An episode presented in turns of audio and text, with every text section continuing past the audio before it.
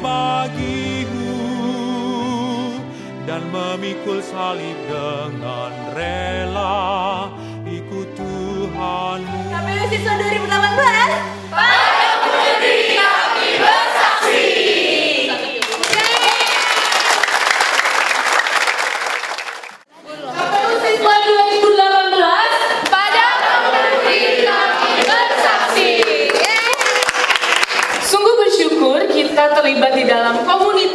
yang kita di dalamnya dapat bertumbuh bersama, melayani bersama, itu semua karena anugerah. Sebagai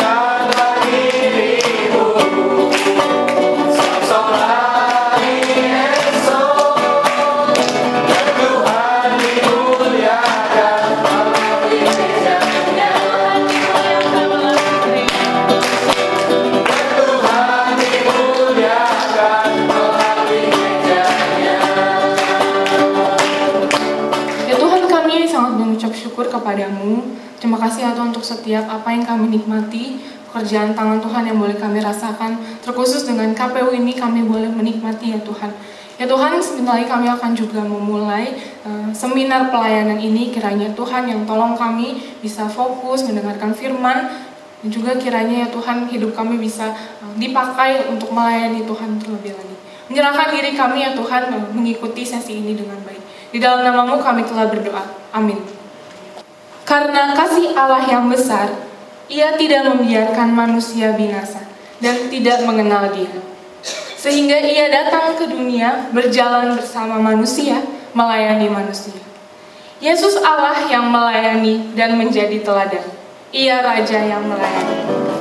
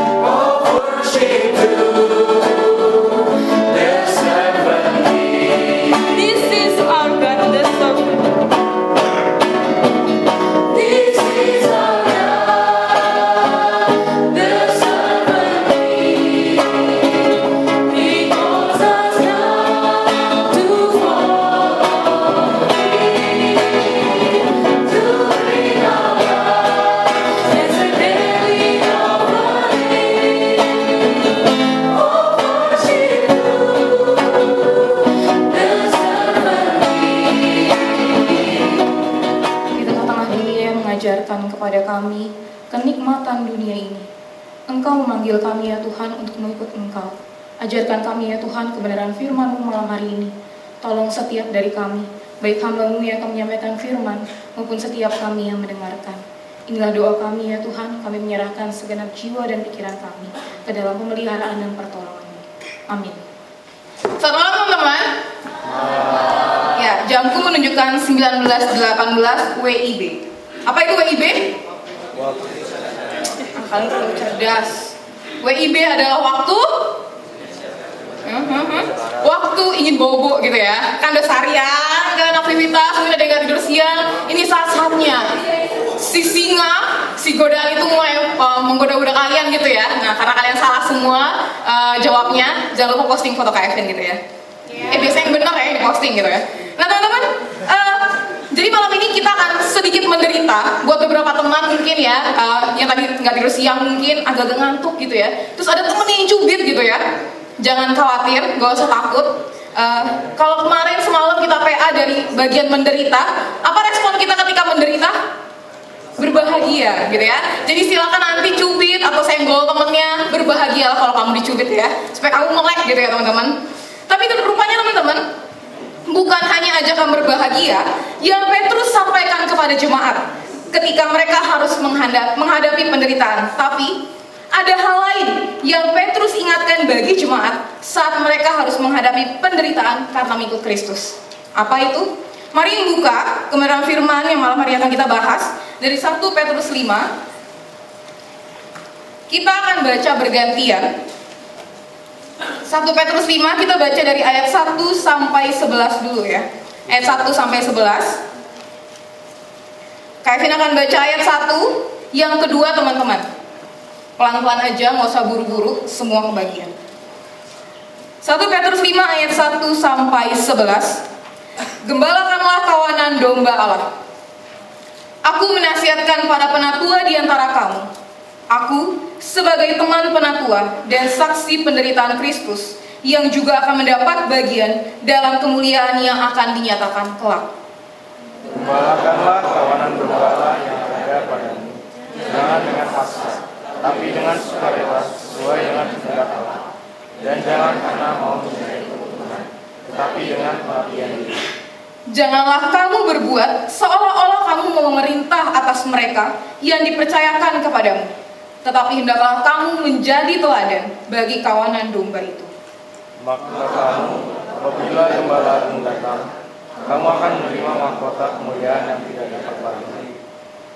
Demikianlah juga demikian jugalah kamu, hai orang-orang muda, tunduklah kepada orang-orang yang tua dan kamu semua rendahkanlah dirimu seorang terhadap yang lain, sebab Allah menentang orang yang congkak, tetapi mengasihani orang yang rendah hati.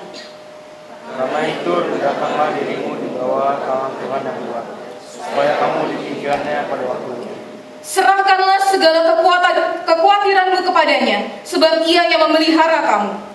Sadarlah dan jaga-jaga lawanmu si iblis yang jalan keliling sama seperti singa yang mengaum-ngaum dan cari orang yang dapat ditelan. Lawanlah dia dengan iman yang teguh, sebab kamu tahu bahwa semua saudaramu di seluruh dunia menanggung penderitaan yang sama. Dan Allah karunia yang telah memanggil kamu dalam Kristus pada kemuliaannya yang kekal akan melengkapi, meneguhkan, menguatkan, dan mengokohkan kamu. Sudah kamu menderita seketika lamanya. Ialah yang punya kuasa sampai selama-lamanya. Amin. Demikianlah pembacaan firman Tuhan. Dan teman-teman seperti yang telah kita ketahui bersama, surat Petrus ini ditulis untuk menguatkan pembacanya untuk terus bertumbuh di dalam iman mereka kepada Allah dan ketaatan kepada Allah melalui hidup mereka sekalipun mereka berada di dalam penderitaan. Dan sebagai bagian, bagian akhir dari surat ini, Petrus menuliskan yang perlu jemaat miliki agar mereka tetap bertumbuh di dalam penderitaan mereka. Next slide. Teman-teman tahu apa ini? Ya, seperti ini menyegarkan malam kita ya. Ini burger teman-teman. Ini burger lokal, ini burger impor lah ya. Nah teman-teman burger itu biasanya bagian intinya itu ada di tengah ya. Saya kalau nggak ada tengah tuh kayak ada yang hilang gitu. Bukan eh, itu bukan burger gitu. Nah tapi tanpa yang atas bawahnya juga nggak lengkap rasanya gitu ya. Nah teman-teman eh, makanya kalau adik kayak adiknya kayak ini biasanya kalau makan burger, ini jangan kasih tau dia ya. Dia akan sisihin dagingnya, terus dia makan dulu roti sama sayurnya. Dagingnya terakhir dia makan. Oh ada yang angguk ya, ada yang gitu juga ternyata. Nah teman-teman malam hari ini kita juga akan melihat suratnya Petrus demikian. Bagaimana akhirnya Petrus menyajikan bagian utama pesannya ada di tengah-tengah perikop yang kita baca malam hari ini. Hal yang sama yang dia tekankan berulang kali, yaitu next slide. Bagaimana jemaat merendahkan diri kepada sesamanya dan terutama kepada Allah. Mengapa ini menjadi hal yang penting dimiliki oleh jemaat di tengah-tengah penderitaan yang mereka alami? Bayangin ini jemaat udah menderita, kenapa Petrus nggak suruh mereka untuk akhirnya membahagiakan diri? Kenapa malah merendahkan diri? Kenapa akhirnya tidak mementingkan diri saja? Ini udah menderita loh. Kenapa harus akhirnya merendahkan diri? Nah teman-teman kita akan melihat pembahasan bagian pertama yang Kevin bagi outline-nya. Pertama dari ayat 1 sampai 6. Mari perhatikan di ayat 1 bagaimana Petrus menuliskan, Aku menasihatkan para penatua di antara kamu. Teman-teman menasihati di sini nggak cuma sekedar ngomong, ya boleh kamu terima, boleh enggak. Tapi next, kata yang dipakai adalah I exhort the elder, the elders among you. Artinya apa exhort itu teman-teman? Itu adalah mendesak dan penting. Kenapa Petrus harus sampai mendesak para penatua? Karena kalau kalian PA semalam teman-teman di, uh, di Petrus 4 di pasal 4 ayat 17 sampai 18 dilihat diperlihatkan bagaimana penderitaan yang harus dialami jemaat. Pertama-tama itu dimulai dari tubuh Kristus sendiri dengan tujuan pemurnian dan pengudusan. Ada yang masuk quote-nya di IG Perkantas Jakarta. Jangan lupa follow IG-nya ya. Nah teman-teman ini masuk gitu ya. Bagaimana akhirnya Petrus mendesak para penatua ini karena penderitaan itu justru datangnya mula-mula itu dari tubuh Kristus itu sendiri, dari dalam gereja untuk tujuan pemurnian dan pengudusan. Jadi, ada hal yang penting mendesak dan harus dilakukan. Pertama-tama, Petrus menyampaikan urgensi ini kepada para penatua. Siapa itu penatua? Ini udah Kevin tempel gitu ya. Penatua adalah para pemimpin gereja yang juga ada di antaranya tugasnya berkhotbah dan mengajar. Mengajar siapa? Kumpulan orang percaya yang akhirnya kita sebut sebagai gereja gitu ya. Ya mungkin kalau sekarang kamu bisa lihat contohnya majelis atau penatua atau sintua di gerejamu begitu ya teman-teman. Petrus menyampaikan pertama-tama kepada para penatua karena memang konteks saat itu Petrus menuliskan surat ini tentunya dengan harapan semua jemaat tahu begitu ya. Tapi pertama-tama dia menyampaikannya kepada para pemimpin jemaat. Dalam hal ini adalah para penatua. Tapi pertanyaannya, kalau gitu kak, aku kan belum jadi sintua, aku belum jadi majelis. Berarti pesan ini nggak berlaku dong buat aku. Nah teman-teman, apakah hanya kepada orang-orang dengan gelar ini pesan ini ditunjukkan? Mari melihat apa yang Petrus desak kepada mereka di ayat 2. Next. Kalimatnya adalah, teman-teman baca, 1, 2, 3. Gembalakanlah kawanan domba Allah yang ada padamu. Sounds familiar dengan pesan seseorang? Mungkin pesan PKK-mu, pesan visitor. Ya teman-teman, ini pesan bukan dari PKK atau visitormu semata. Ini pesan yang Yesus sampaikan kepada Petrus saat Yesus menampakkan diri kepadanya setelah kebangkitannya. Tidak heran di ayat 1 Petrus sampai harus menjelaskan dirinya sebagai saksi penderitaan Kristus yang juga akan mendapat bagian dalam kemuliaan yang dinyatakan kelak. Petrus kembali mengingatkan para penatua akan penderitaan yang Kristus alami sekaligus harapan yang diperoleh di dalam Kristus. Dan Petrus melanjutkannya dengan panggilan yang Yesus sampaikan kepada dia terlebih dahulu, yaitu gembalakanlah domba-dombaku. Pesan ini Petrus teruskan kepada para pemimpin jemaat.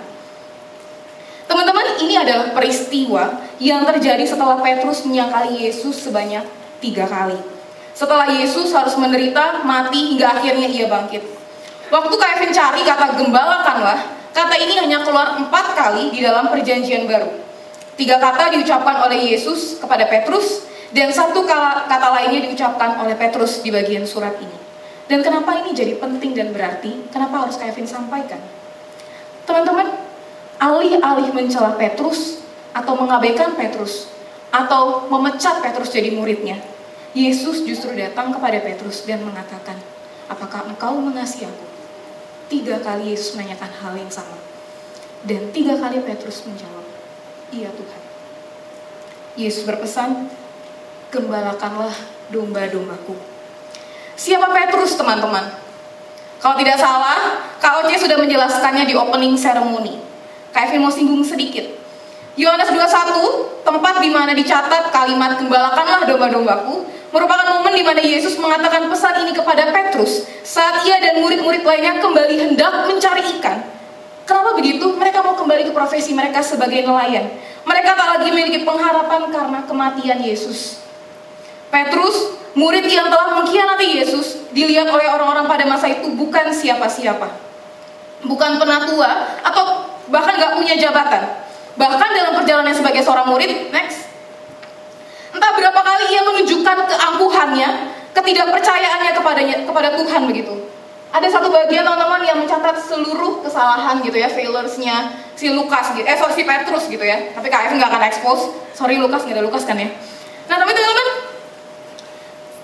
sehingga kita bisa lihat sesungguhnya teman-teman bahwa pesan gembalakanlah domba-domba Allah tidak terbatas hanya kepada orang-orang yang memiliki posisi atau status seperti di 1 Petrus 5 ini. Tetapi, next, panggilan gembalakanlah kawanan domba Allah ialah bagi mereka yang telah menerima anugerah pengampunan Allah dan dipanggil untuk mengikut Yesus. Sekarang jadi pertanyaan, apakah engkau mengasihi Allah? Gembalakanlah domba-domba Allah. Seperti apa itu menggembala, menggembalakan kawanan domba Allah? Kak, aku nih jurusannya nanti teknik loh. Jurusannya matematika gitu ya. Tenang teman-teman. Petrus sudah memberitahukannya. Next. Nah menarik ya bagaimana Petrus sudah membaginya. Ini yang jangan-jangan-jangan ini yang kamu lakukan gitu ya. Mana yang lebih mungkin dialami oleh para penatua sebagai orang-orang yang punya kuasa dan kedudukan? Bagian yang kiri atau yang kanan? Nih kalau voting Instagram mana yang paling banyak? Kemungkinan besar teman-teman, Petrus kan sudah mengalaminya ya sebagai penatua. Kemungkinan besar yang bagian sebelah kiri. Yang don'ts, don'ts, don'ts ini teman-teman. Biasanya ini karena terbiasa dilakukan, makanya dikasih tahu. Tapi Petrus tidak hanya melarang, Petrus juga memberitahukan apa yang harus dilakukan oleh para pemimpin jemaat ini. Nah, kita akan bahas satu-satu coba ya. Bagaimana membalakan domba-domba Allah ini jangan dengan paksa, tetapi dengan sukarela sesuai dengan kehendak Allah. Saya rasa ka- kalian juga tahu lah ya bedanya paksaan dengan sukarela itu seperti apa. Tapi teman-teman, apa sih yang sering kali bikin kita akhirnya mengerjakan sesuatu dengan terpaksa? Contohnya teman-teman, untuk yang kenal Kevin, pasti tahu banget Kevin itu sangat males yang namanya dandan. Pakai bedak aja udah syukur gitu ya. Kalau di kantor, datang ke kantor tuh Kevin selalu dimarahin sama namanya Kak Luse. Kenapa? Karena datang ya udah datang sih, yang penting sisiran gitu kan. Udah, gitu kan kalau naik KRL kebayang ya, perjuangannya kayak gimana, rambut udah acak aduk gitu ya. Ditegur gitu, kamu tuh pembicara deh, masa kamu di depan gitu. Tapi nggak aku dengerin gitu ya. Aku suka nggak nggak make up segala macam biarin aja lah gitu. Nah, tapi teman-teman malam harinya udah sering beda gitu ya. Cie. Nggak, nggak, nggak. Ah, ini dengan tujuan gitu ya, dengan eh, sukarela gitu supaya kalian juga nggak bosen gitu ya ngeliat Kevin, oh gitu itu mulu gitu ya. Nggak, nggak. Ya teman-teman dengan senang hati Kevin mengerjakannya kenapa? Karena Kevin tahu gitu, kalian udah capek, misalkan udah ngantuk gitu ya. Masa iya ngeliat Kevin yang juga mukanya agak capek gitu ya. Jadi dengan sukarela Kevin melakukannya gitu ya, tanpa paksaan tanpa perlu Kak Owin chat Kak Evin gitu ya. Dia jangan lupa dandan gitu ya. Biasanya dia suka bilang kayak gitu tapi ini enggak gitu. Dandan aja gitu ya. Cie dandan gitu ya. Eh, teman-teman itu bedanya ketika kamu mengerjakan satu dengan terpaksa dengan sukarela. Kenapa? Karena biasanya kita tahu kepada siapa kita mengerjakan itu kenapa kita mengerjakan itu. Dan sekarang ketika kita menggembalakan kawanan domba Allah kepada siapa kita melakukannya? Bersama siapa kita mengerjakannya Nanti Petrus akan juga menjawab pertanyaan ini teman-teman. Tapi berikutnya kita akan kembali bahas. Jangan karena mencari keuntungan, tetapi dengan pengabdian diri. Nah ini yang mungkin udah sering kalian temuin juga ya, keuntungan diri. Selama jadi MC, mikirinnya udah wah lumayan nih, ntar di foto, masuk Instagram banyak followers. Atau misalnya abis jadi MC kan nanti dapat buku atau dapat souvenir apa gitu ya. Itu jelas teman-teman, mencari keuntungan. Tapi bagaimana dengan pengabdian diri? Teman-teman, pengabdian diri itu ya kerjakan saja. Tidak memikirkan apa yang akan kamu dapat, tapi apa yang bisa kamu berikan bagi jemaat yang kamu layani. Abdi itu kan hamba ya teman-teman, mengabdikan diri gitu. Kalau kamu ke keraton ada abdi dalam gitu. Nah pengabdian berarti teman-teman menjadikan diri kita sebagai hamba. Siapa diri kita? Sehingga sekalipun dikecewakan, kita nggak perlu, kita nggak perlu merasa kecewa gitu. Karena kan kita tidak mengharapkan apa pun. Ya, kita melayani, kita menggembalakan, ya sudah mengabdi, berikan. Fokusnya adalah memberi, bukan menerima. Enak ya kalau pelayanan semuanya fokusnya memberi gitu. Dengan kata lain nanti pada ujung-ujungnya ada juga yang menerima gitu teman-teman. Nah, lalu yang berikutnya yang ketiga, jangan berbuat seolah-olah memerintah atas mereka yang dipercayakan kepadamu, tetapi hendaklah menjadi teladan bagi kawanan domba itu. Apa yang perlu diperhatikan teman-teman ketika menggembalakan kawanan domba ini? Jangan sekadar memberi perintah, jangan sekedar memberi nasihat, tapi yang terpenting adalah teladan. Next slide. Tentu kita sepakat teman-teman bahwa Yesus sendiri adalah teladan untuk diikuti. Dan Petrus sendiri mengatakan di 1 Petrus 2, bagaimana Yesus telah meninggalkan teladan untuk kita ikuti. Dalam hal ini teladan untuk menderita. Namun jika kita perhatikan teman-teman, kita akan menemukan bagaimana di perjanjian baru, next, Paulus mendorong jemaat untuk mengikuti teladannya. Bahkan dia memberitahu Timotius dan Titus bahwa hidup mereka adalah teladan bagi para pengikut Kristus. Dengan kata lain apa teman-teman? Dengan ini Kevin menyimpulkan bahwa para elders atau pemimpin jemaat atau dalam hal ini gembala, next, adalah orang-orang yang dipanggil untuk menjadi teladan lewat hidup di dalam Kristus. Sehingga teman-teman, ini kalau kalian lihat PPT-nya gitu ya bagaimana itu ada domba-domba di bawahnya, dia mengikuti sang gembala. Karena teman-teman akhirnya teladan adalah kebenaran tanpa kata yang berbicara kepada jemaat. Teladan itu berbicara lebih kuat dibandingkan pesan-pesan yang sekedar kita sampaikan. Tapi saat itu dihidupi teman-teman, itulah kebenaran tanpa kata yang terus berbicara kepada jemaat. Lalu apa untungnya kak? Kok Petrus mau menyusahkan diri dengan semua itu bahkan ngajak yang lain untuk mengalami itu? Mari melihat di ayat 4 bagaimana Petrus mengatakan, maka kamu apabila gembala agung datang, kamu akan menerima mahkota kemuliaan yang tidak dapat layu. Ada yang jauh lebih berharga yang tidak dapat hilang dan bernilai kekal teman-teman, yaitu mahkota kemuliaan yang kita peroleh saat Yesus Sang Gembala Agung datang. Next. Kita baca sama-sama ya. Satu, dua, tiga. Harapan kita, bagian kita, Reward kita sebagai orang-orang yang menggembalakan kawanan domba Allah. Kita peroleh dari Gembala Agung yang memberi kita harapan, kebahagiaan, bahkan reward yang kekal. Ini kalau tidak salah, sudah sedikit dibahas oleh Bang Alex juga teman-teman. Dengan ini kita mengingat teman-teman bahwa sesungguhnya kita sedang mengembalakan domba-domba ini bersama dengan siapa dan kepada siapa. Ada gembala agung kita yang juga masih menggembalakan kita. Karena itu teman-teman bagaimanapun kita menyerahkan diri kita kepada Allah untuk terus digembalakan oleh dia sehingga kita juga sanggup untuk mengembalakan orang lain yang dipercayakan kepada kita.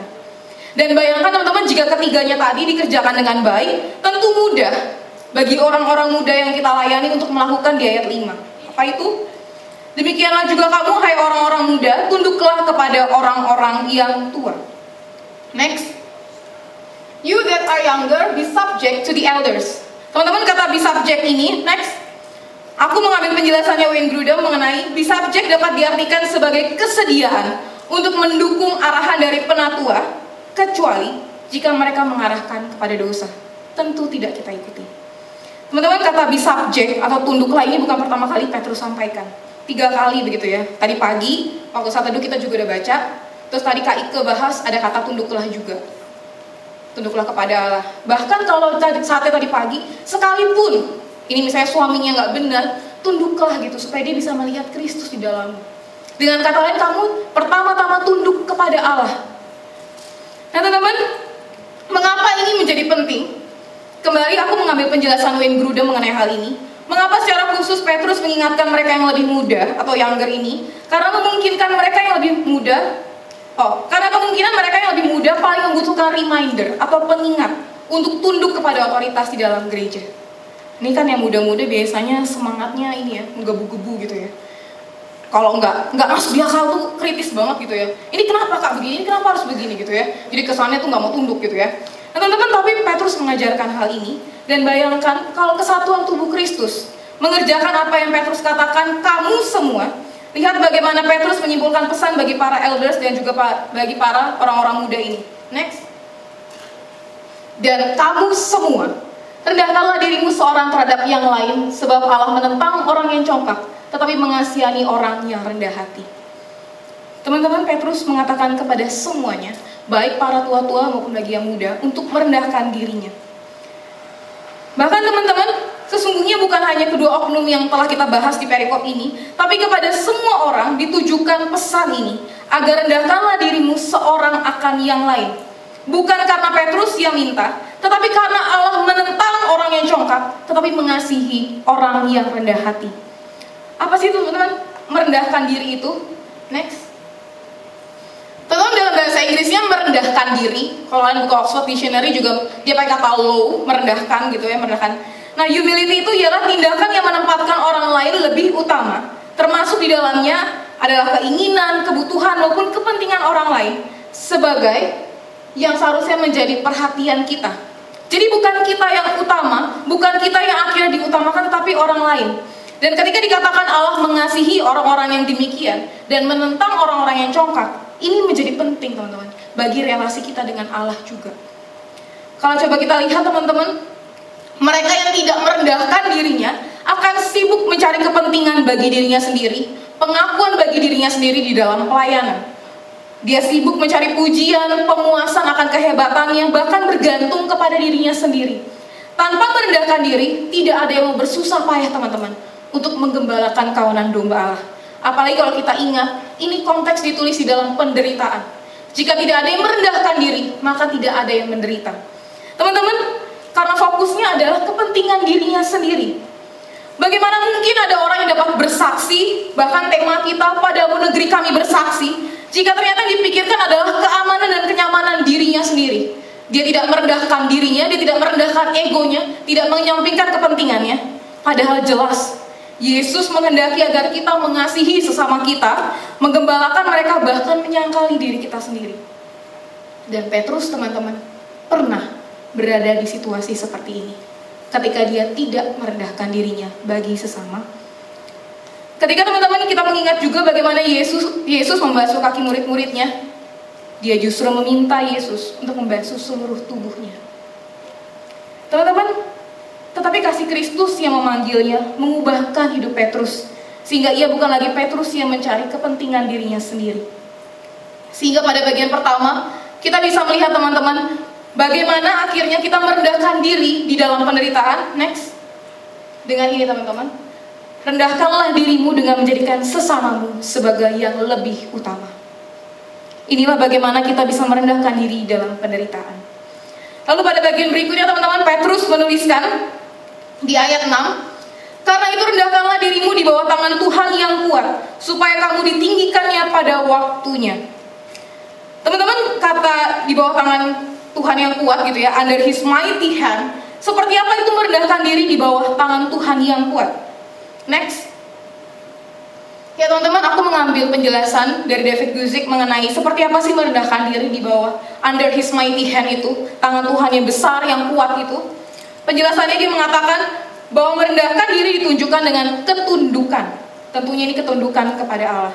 Itu adalah kesanggupan dengan senang hati menyampingkan segala kepentingan kita demi rencana Allah. Bahkan jika rencana Allah ternyata diwujudkan melalui orang lain, kamu tetap taat gitu. Teman-teman, ini ilustrasinya gitu ya.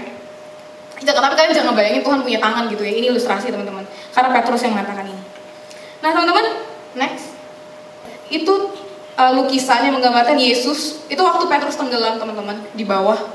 Nah Yesus itu yang ada di atas yang mau menolong dia. Tangannya itu kan ada di atasnya Petrus untuk menolong dia ya. Teman-teman ini ilustrasinya.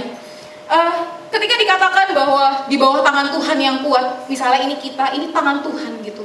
Dia yang sanggup melindungi kita, dia sanggup akhirnya membimbing kita, dia sanggup bahkan mengambil kita ketika kita mau jatuh teman-teman.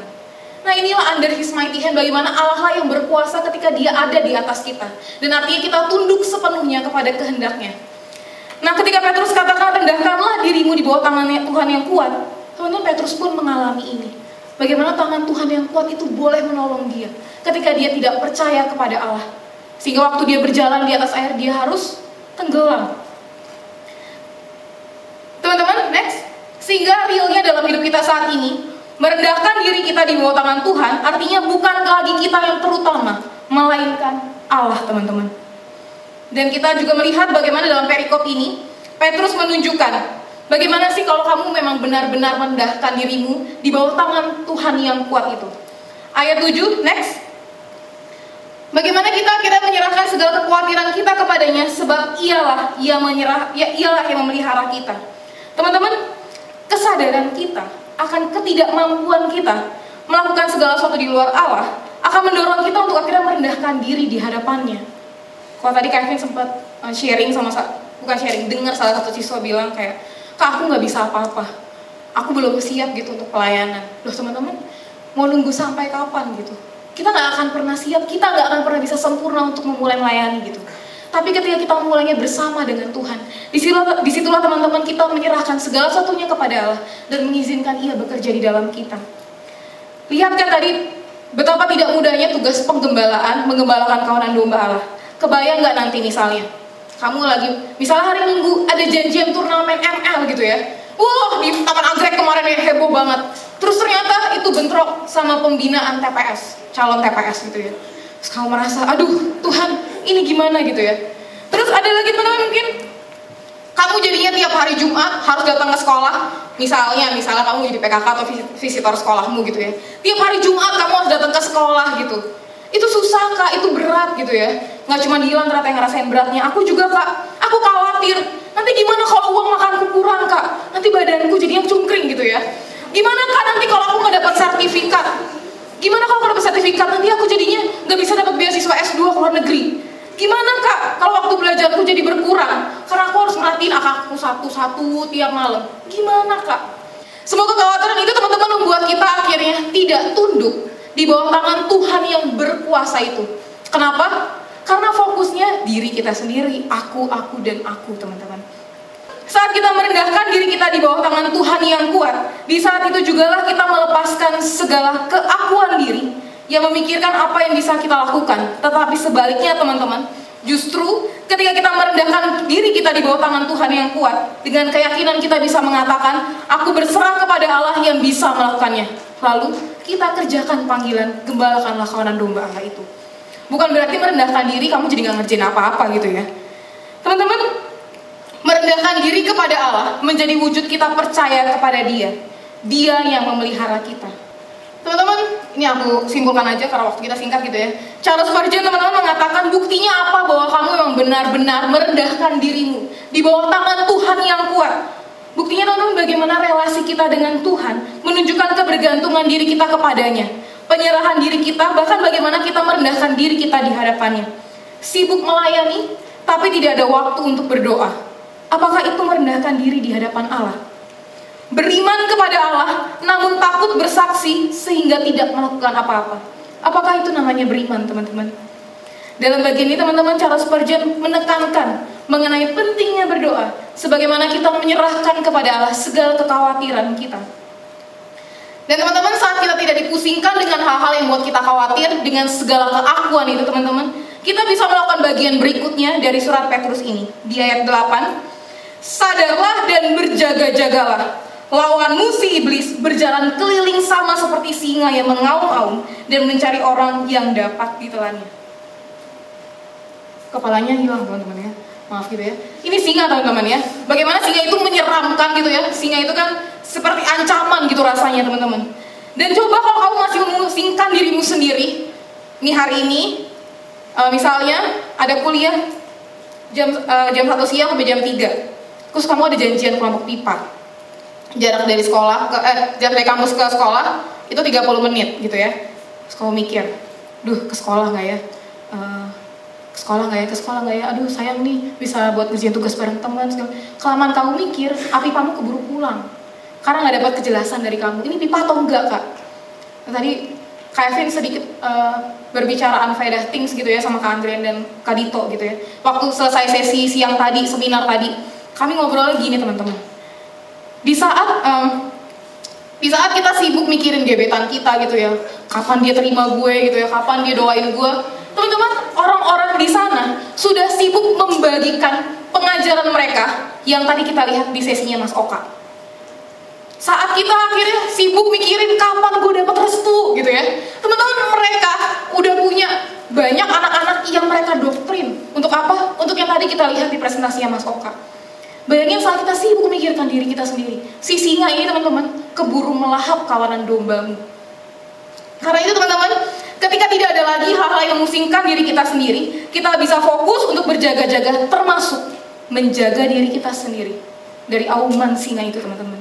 Menjaga diri kita dari aware terhadap dosa-dosa kita. Kalau Bang Alex kemarin malam sempat jelasin gitu ya teman-teman, bagaimana akhirnya eh, ketika kita menyingkirkan keakuan itu kita bisa hidup di dalam Kristus.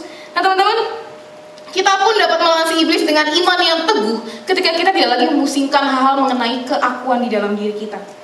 Apakah hanya kita saja yang mengalami ini semua teman-teman? Apakah kita yang di ruangan ini saja? Tidak. Petrus mengatakan di ayat 9, lawanlah iblis dengan iman yang teguh, sebab kamu tahu bahwa semua saudaramu di seluruh dunia menanggung penderitaan yang sama. Jadi, waktu kamu susah, waktu kamu menderita, waktu kamu harus berkorban terhadap sesuatu, bukan cuma kamu. Bahkan seluruh saudaramu di dunia ini pun turut mengalami penderitaan yang sama. Artinya apa? Gak usah mengasihani diri gitu Gak perlu lama-lama mengasihani diri atau merasa sial gitu ya teman-teman Justru ketika kita tahu bahwa saudara-saudara kita yang lain pun mera- merasakan hal yang sama di situ kita justru bisa saling dukung, saling support, saling mendoakan, kasih semangat, kasih memberikan kasih kita kepada satu dengan yang lainnya karena kita tahu mereka juga menderita teman-teman. Nah signifikan bukan dampaknya ketika kita merendahkan diri kita di bawah tangan Tuhan Allah yang kuat itu.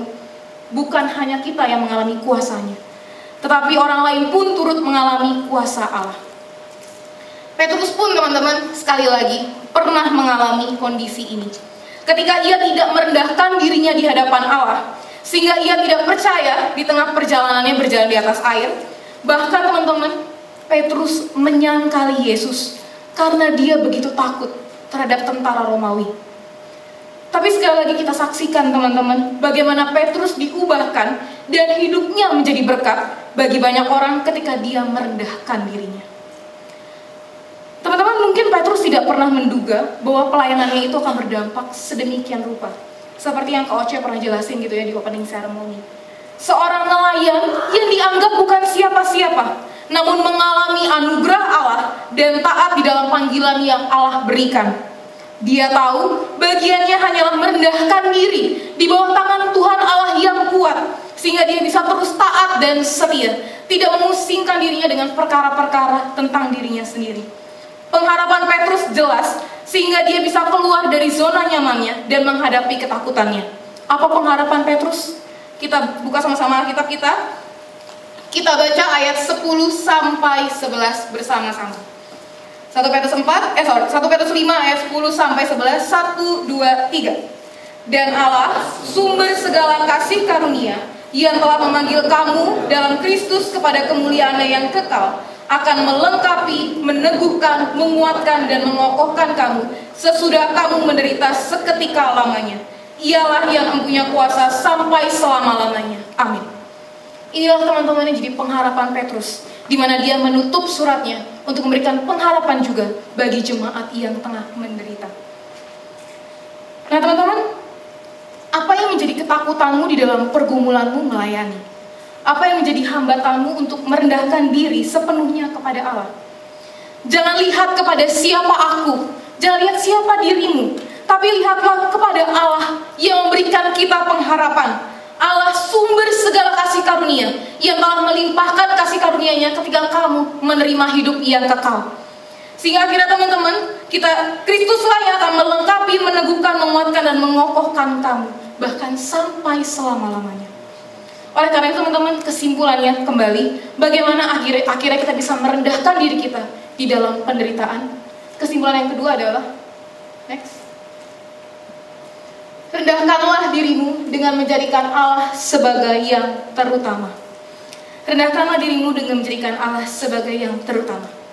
Ya teman-teman, jika Kak Evin simpulkan gitu, di tengah penderitaan yang harus dihadapi jemaat, Petrus justru memberi pesan seperti ini. Next. Yang pertama adalah teman-teman, rendahkanlah dirimu dengan menjadikan Allah yang terutama. Berikutnya, rendahkanlah dirimu dengan menjadikan sesamamu yang lebih utama. Dan sekarang pertanyaannya teman-teman, bagaimana akhirnya dengan diri kita? Ada di mana kita kak? Kalau akhirnya terutama adalah Allah, sesama kita yang lebih utama. Bagi Kevin, bahasa Indonesia menggambarkan dengan jelas bagaimana kita menempatkan diri kita. Rendahkanlah dirimu. Artinya kamu seperti lagu sekolah minggu ya. Dia harus makin bertambah, ku harus makin berkurang. Nah kalau itu berkurang, ini kita rendah teman-teman. Artinya kita ada di posisi yang paling bawah. Rendahkanlah dirimu dengan menjadikan dirimu yang paling terakhir, paling belakang. Kalau lagi baris berjejer gitu, kalau lagunya paling belakang, artinya paling terakhir. Nah teman-teman, tapi bukan berarti akhirnya kamu diinjak-injak terus gitu ya. Nah teman-teman, C.S. Lewis menjelaskannya, Humility is not thinking less of yourself. It is thinking of yourself less. Artinya apa? Ya teman-teman, merendahkan diri bukan berarti berpikir bahwa dirimu itu tidak berarti, dirimu nggak punya apa-apa, dirimu itu dikasihani gitu ya. Melainkan teman-teman, kita lebih sedikit memikirkan mengenai diri kita. Porsinya itu lebih sedikit. Kenapa? Karena tadi Allah yang terutama. Jadi kita pikirkan apa yang jadi kehendak Allah, apa yang jadi keinginannya Allah. Yang kedua, sesama kita yang lebih utama. Barulah diri kita yang paling terakhir. Sehingga bukan apa yang aku inginkan, bukan apa yang akan aku dapatkan, dan bukan apa yang menyenangkanku, teman-teman. Bukan mengenai itu semua. Dan karena itu teman-teman, ketika para murid bertanya kepada Yesus, siapa yang terbesar di antara kami? Yesus menjawab, barang siapa terbesar di antara kamu, hendaklah ia menjadi pelayanmu. Dan barang siapa meninggikan diri, ia akan direndahkan. Dan barang siapa merendahkan diri, ia akan ditinggikan. Lagi-lagi teman-teman, penghargaan itu datangnya bukan dari dunia ini, tapi dari Kristus sendiri.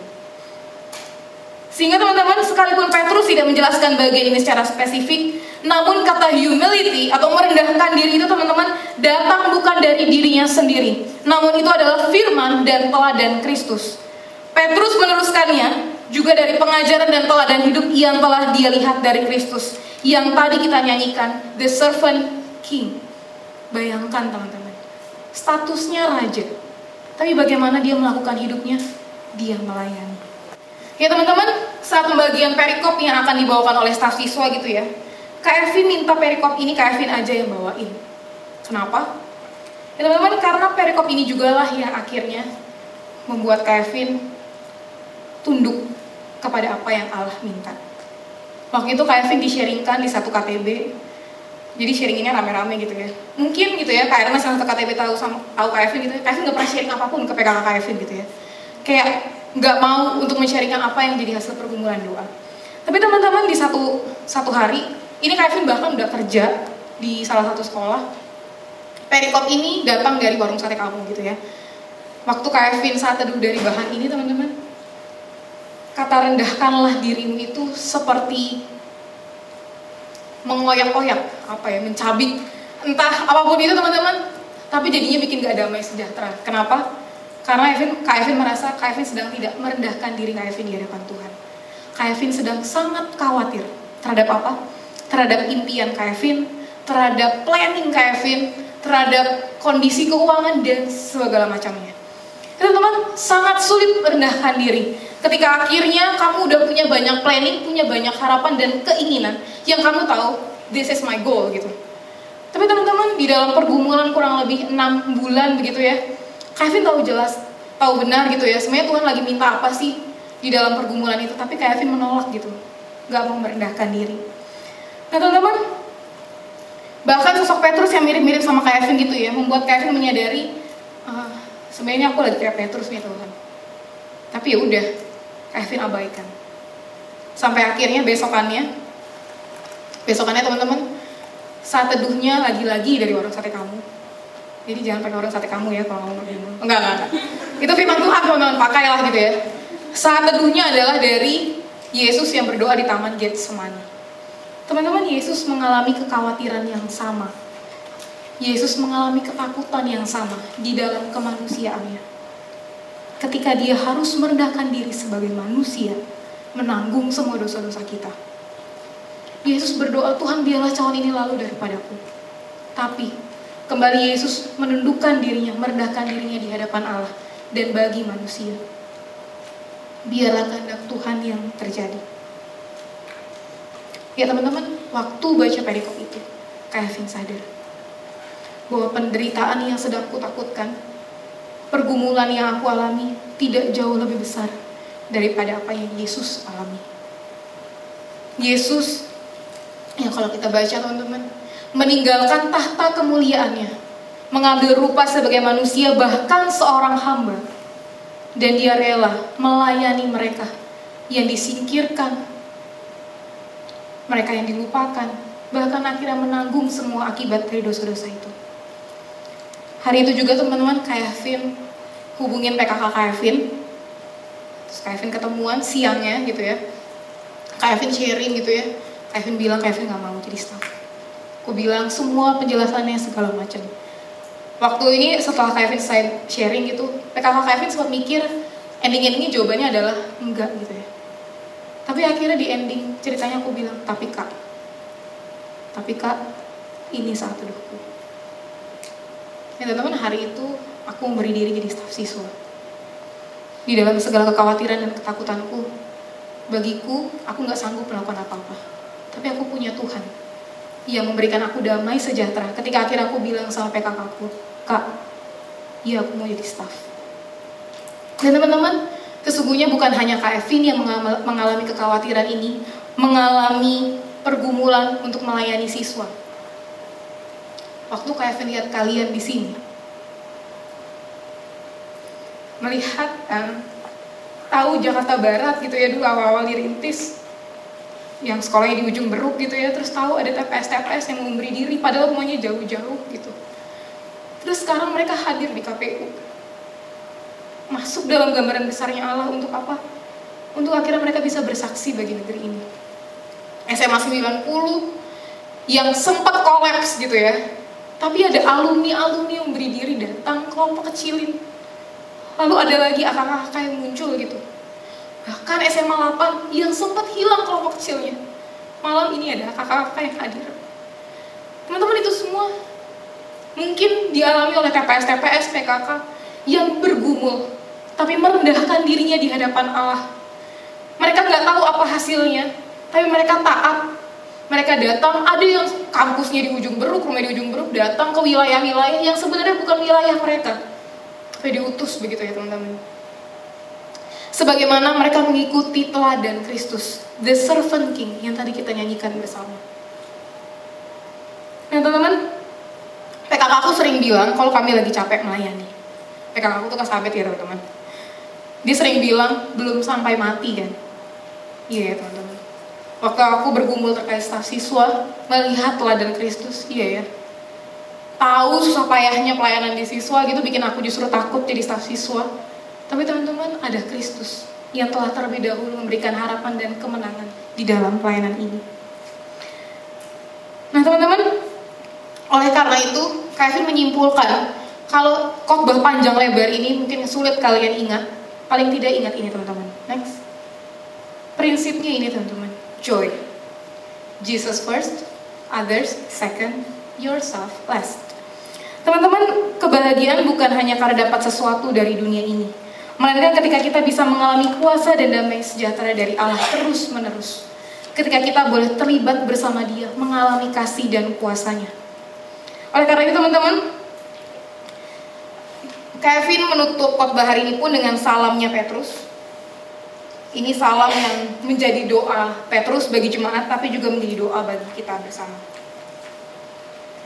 Kevin tidak bacakan semuanya, tapi kurang lebihnya teman-teman, Kevin menyampaikan dengan singkat kepadamu untuk menasihati dan meyakinkan kamu bahwa ini adalah kasih karunia yang benar-benar dari Allah.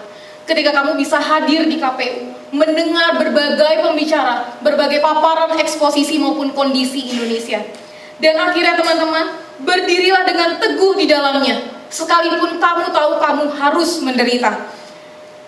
Damai sejahtera menyertai kamu sekalian yang berada di dalam Kristus. Amin. Mari kita berdoa. Saat ini mari mengambil waktu secara pribadi mengingat kembali bagaimana sikap kita selama melayani maupun kepada orang-orang yang melayani kita. Mari mengingatnya. Kita berdoa di hadapan Allah dan kita juga doakan untuk orang-orang yang mungkin telah terlebih dahulu menggembalakan kita sehingga akhirnya malam hari ini kita pun bisa menikmati kasih karunia Allah di dalam kesempatan KPU ini. Apakah yang perlu engkau tundukkan di bawah tangan Allah yang Maha Kuasa, sehingga engkau dapat merendahkan dirimu sepenuhnya kepada Allah? Serahkanlah segala sesuatu yang masih menjadi keakuan di dalam dirimu, sehingga engkau sulit untuk merendahkan dirimu bagi Allah dan bagi sesamamu. Bawalah di dalam doa kepada Allah, agar kiranya Allah menolongmu untuk melepaskan itu semua. Mungkin dosa-dosamu, mungkin ambisi pribadimu yang tidak sejalan dengan keinginan Tuhan, ataupun motivasi-motivasi yang salah ketika melayani ataupun mengambil pilihan jurusanmu. Doakanlah di hadapan Allah agar ia memurnikan hatimu kembali.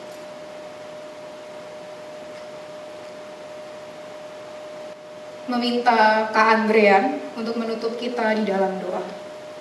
dan tidak hanya berlalu pada malam ini saja, tapi boleh terus tertanam di hati kami ya Bapa, sehingga kami boleh meneladani Petrus ya Tuhan salah satu muridmu, yaitu untuk terus berjuang memberitakan Engkau ya Tuhan kepada siswa-siswa, kepada eh, adik-adik kelas kami dan juga kepada nanti dunia mahasiswa ya Tuhan sampai ke dunia alumni dan juga sepanjang hidup kami. Biarlah ya Tuhan eh, di dalam pergumulan kami di tengah mungkin kami masih bergumul, masih ragu ataupun masih bimbang dalam menyerahkan diri kami kepada Engkau untuk dipakai. Tetapi biarlah ya Tuhan, Tuhan yang terus pimpin kami, Tuhan yang terus sertai kami dan meneguhkan kami. Seperti akhirnya Engkau meneguhkan orang-orang yang Engkau panggil ya Tuhan untuk melayani kami terlebih dahulu. Kami menyerahkan diri kami ke dalam tangan-Mu, kiranya boleh terus Engkau pakai ya Tuhan sesuai dengan kehendak-Mu. Terima kasih ya Tuhan, inilah doa kami. Sebagai muridnya, kita mengikuti Yesus menjadi hambanya memberitakan Injil ke seluruh dunia, mengerjakan pekerjaan yang kekal membangun kerajaan. Siapakah yang harus aku ikuti selama hidup di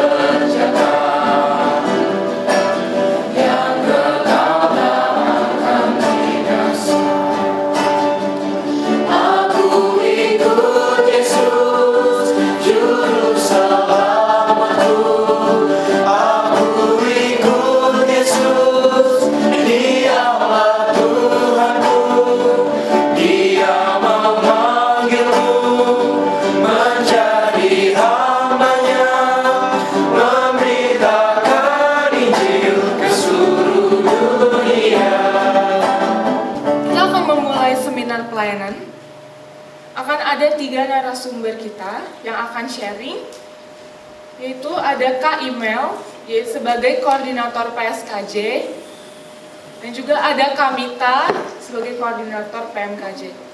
Kita akan mendengarkan sharing dari mereka, dan nanti pertama akan dimulai dari sharing Kamita, lalu dilanjutkan oleh Kak Imel. Untuk kakak-kakak yang dipanggil boleh.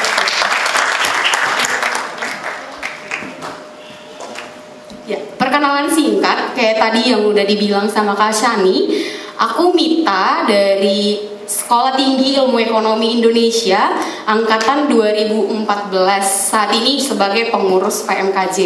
Apa itu PMKJ? Nanti kita akan dengarkan bersama. PMKJ itu mungkin teman-teman apa sih PMKJ? Dari tadi disebutin PMKJ tapi kepanjangannya nggak tahu gitu. Nah, PMKJ itu kepanjangannya Persekutuan Mahasiswa Kristen Jakarta. Nah, kenapa sih harus ada PMKJ dan sejarahnya itu apa gitu? Mungkin teman-teman yang dari siswa belum tahu itu tentang PMKJ. Aku akan sedikit sharing tentang sejarah pelayanan PMKJ. PMKJ kalau tadi Kak Kak Evin bilang kalau ada satu yang terlebih dahulu melayani kita. Di PMKJ pun ada seperti itu teman-teman. Yang pertama itu gerakan itu dimulai dari Bapak Jimmy Kusnadi Kuswadi yang mengadakan kelompok PA dan doa yang beranggotakan itu dari mahasiswa UKI dan Trisakti itu tempatnya di Keramat 7. Kalau teman-teman pusat mungkin familiar dengan Keramat 7 nomor 29 ya. Gitu. Itu yang eh, menjadi Pak Jimmy ini yang menjadi salah satu penggerak terjadinya PMKJ. Nah, melalui KTP tadi yaitu PA dan doa ini dibentuklah organisasi yang mewadahi kegiatan pelayanan mahasiswa dan mulai dirintis persekutuan mahasiswa di UI dan Trisakti. Eh, kalau kampus UI dan Trisakti ini dulu itu adalah kampus terbesar untuk negeri dan swasta yang ada di Indonesia, terkhusus untuk di Jakarta. Jadi dirintis kampus-kampus ini. Nah setelah itu, setelah ada terjadinya perintisan kampus UI dan kampus kampus Trisakti ini, sehingga terbentuklah namanya antar kampus. Jadi antar kampus ini menghubungkan antara kampus UI dengan eh, kampus UI dan Trisakti ini bekerja sama untuk akhirnya mengadakan dan membangun kampus-kampus yang ada di Jakarta termasuk salah satunya ada itu di UNJ, Untar, Universitas Tarumanegara, ISTN, ST, STMIK dan juga Universitas Pancasila. Itulah sedikit sharing singkat sejarah pelayanan PMKJ. Nah kalau dari eh, sejarah tadi, eh, aku dapat menyimpulkan tiga hal. Yang pertama, dimulai dari kesatuan yang kecil akhirnya terbangun kesatuan antar PMK yang semakin besar dan meluas. Yang kita bisa lihat sekarang ini, yang dulunya mereka hanya bentuk KTB untuk PA dan doa, sekarang puji Tuhan ada lima wilayah yang terbentuk di PMKJ, yaitu wilayah pusat, wilayah selatan, wilayah barat, wilayah timur, dan wilayah selatan dua.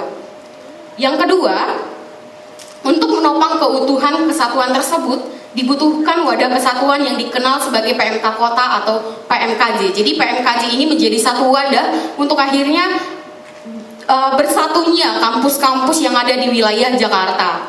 Itu untuk e, yang kedua. Dan yang ketiga, melalui wadah kesatuan tersebut, kesatuan terus diusahakan dan dipelihara sehingga antar PMK terjalin interaksi, relasi, dan kerjasama. Sehingga terbentuklah visi PMKJ yaitu kesatuan dan kedewasaan antar PMK yang diambil dari Efesus 3 ayat 14. Teman-teman nanti boleh membaca apa isi dari Efesus 3 ayat 14. Misinya adalah mengusahakan dan memelihara kesatuan dan kedewasaan itu sendiri.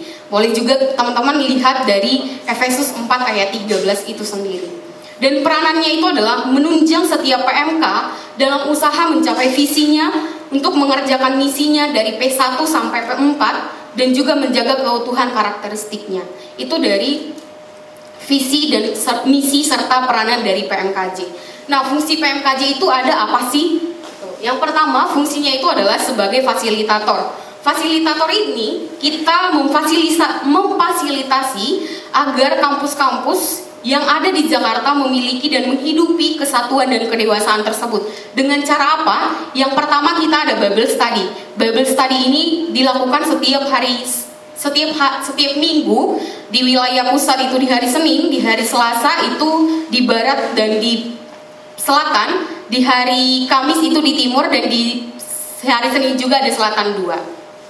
Nah, untuk apa untuk apa sih ada Bible Study ini? Bible Study ini bertujuan untuk memperlengkapi pelayan-pelayan kampus, baik itu PKK, baik itu AKK, baik itu pengurus, WL dan pemusik juga membangun kedewasaan dan karakter yang kuat seorang pelayan kampus. Dan melalui uh, Bible Study ini boleh memperjuangkan untuk akhirnya mereka boleh semakin mencintai akan firman Tuhan.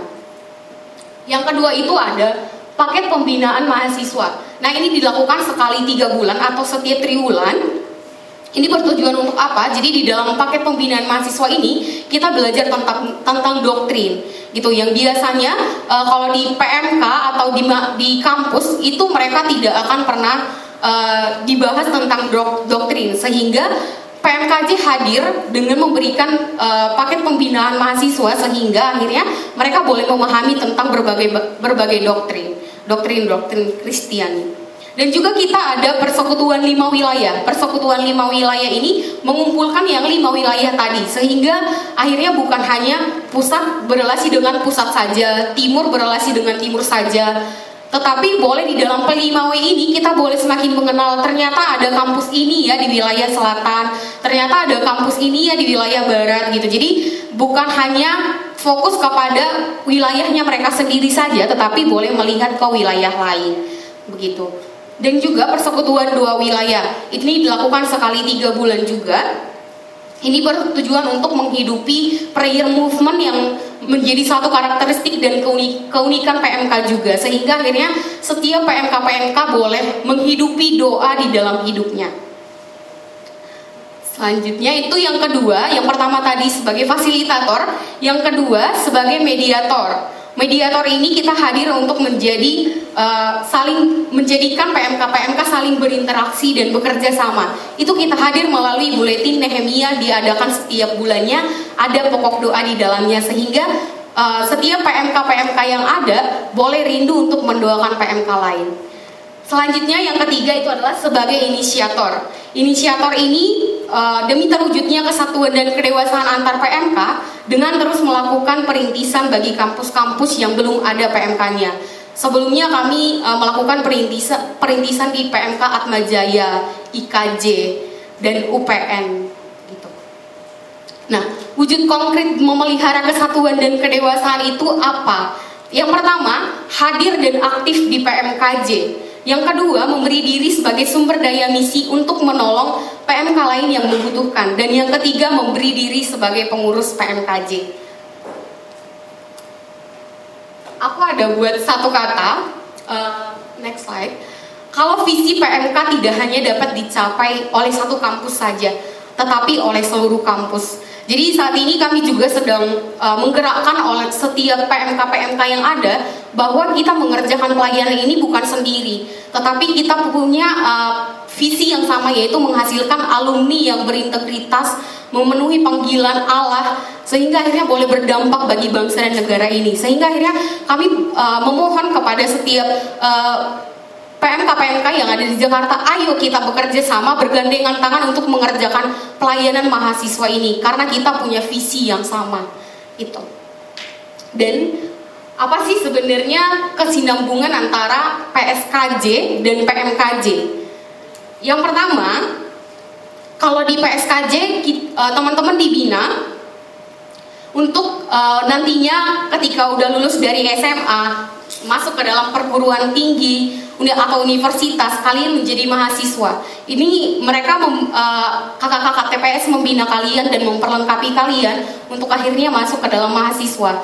Dan kami PMKJ fungsi kami adalah untuk membina teman-teman yang sudah masuk ke dalam mahasiswa membina kalian untuk dan memperlengkapi untuk menjadi alumni nantinya yang berdampak bagi bangsa dan negara ini. Dan yang kedua memperlengkapi setiap siswa yang siswa dan siswi yang telah dibina di PSKJ ketika sudah mahasiswa untuk akhirnya mau melayani mahasiswa. Jadi aku ada uh, pengalaman juga teman-teman gitu. Jadi setiap di awal kepengurusan kami meminta kepada uh, staf-staf siswa uh, nama-nama yang bisa dikasih jadi pengurus di PMKJ untuk PMKJ gitu. Dan kasusnya uh, pas di tahun ini aku memfollow up orangnya yang dikasih gitu. Aku mendapati uh, satu case yang membuat aku sedih sih gitu. Di mana di PSKJ dia terbina, di PSKJ dia uh, dilayani sebagai AKK, terus juga dilayani di kampusnya gitu. Tapi ketika sudah masuk ke dalam dunia kampus, mereka hilang. Hilang dalam arti uh, mereka tidak lagi ikut uh, persekutuan. Mereka menganggap diri mereka udah puas yang di kampus eh di sekolah dulu aku udah dilayani sehingga sudah merasa cukup. Dan juga akhirnya ketika masuk ke dalam dunia kampus mereka nggak membutuhkan. Dan juga mungkin uh, pengalaman mereka di dunia siswa gitu-gitu aja PMK gitu-gitu aja uh, kalau Rokris sama PMK itu nggak beda-beda jauh. Sehingga akhirnya nggak mau untuk melayani gitu. Sehingga uh, aku agak cukup sedih sih uh, ketika memfollow up orang yang dikasih nama yang dikasih dan bahkan nggak direspon sama sekali itu cukup sedih gitu. Padahal uh, menurutku ketika udah dilayani di siswa mereka sudah terbentuk gitu. Terbentuk uh, dari segi kerohaniannya juga seharusnya sudah terbentuk gitu. Dan dia juga ketika udah jadi AKK harusnya tidak tidak uh, susah untuk memberi diri untuk melayani gitu sih.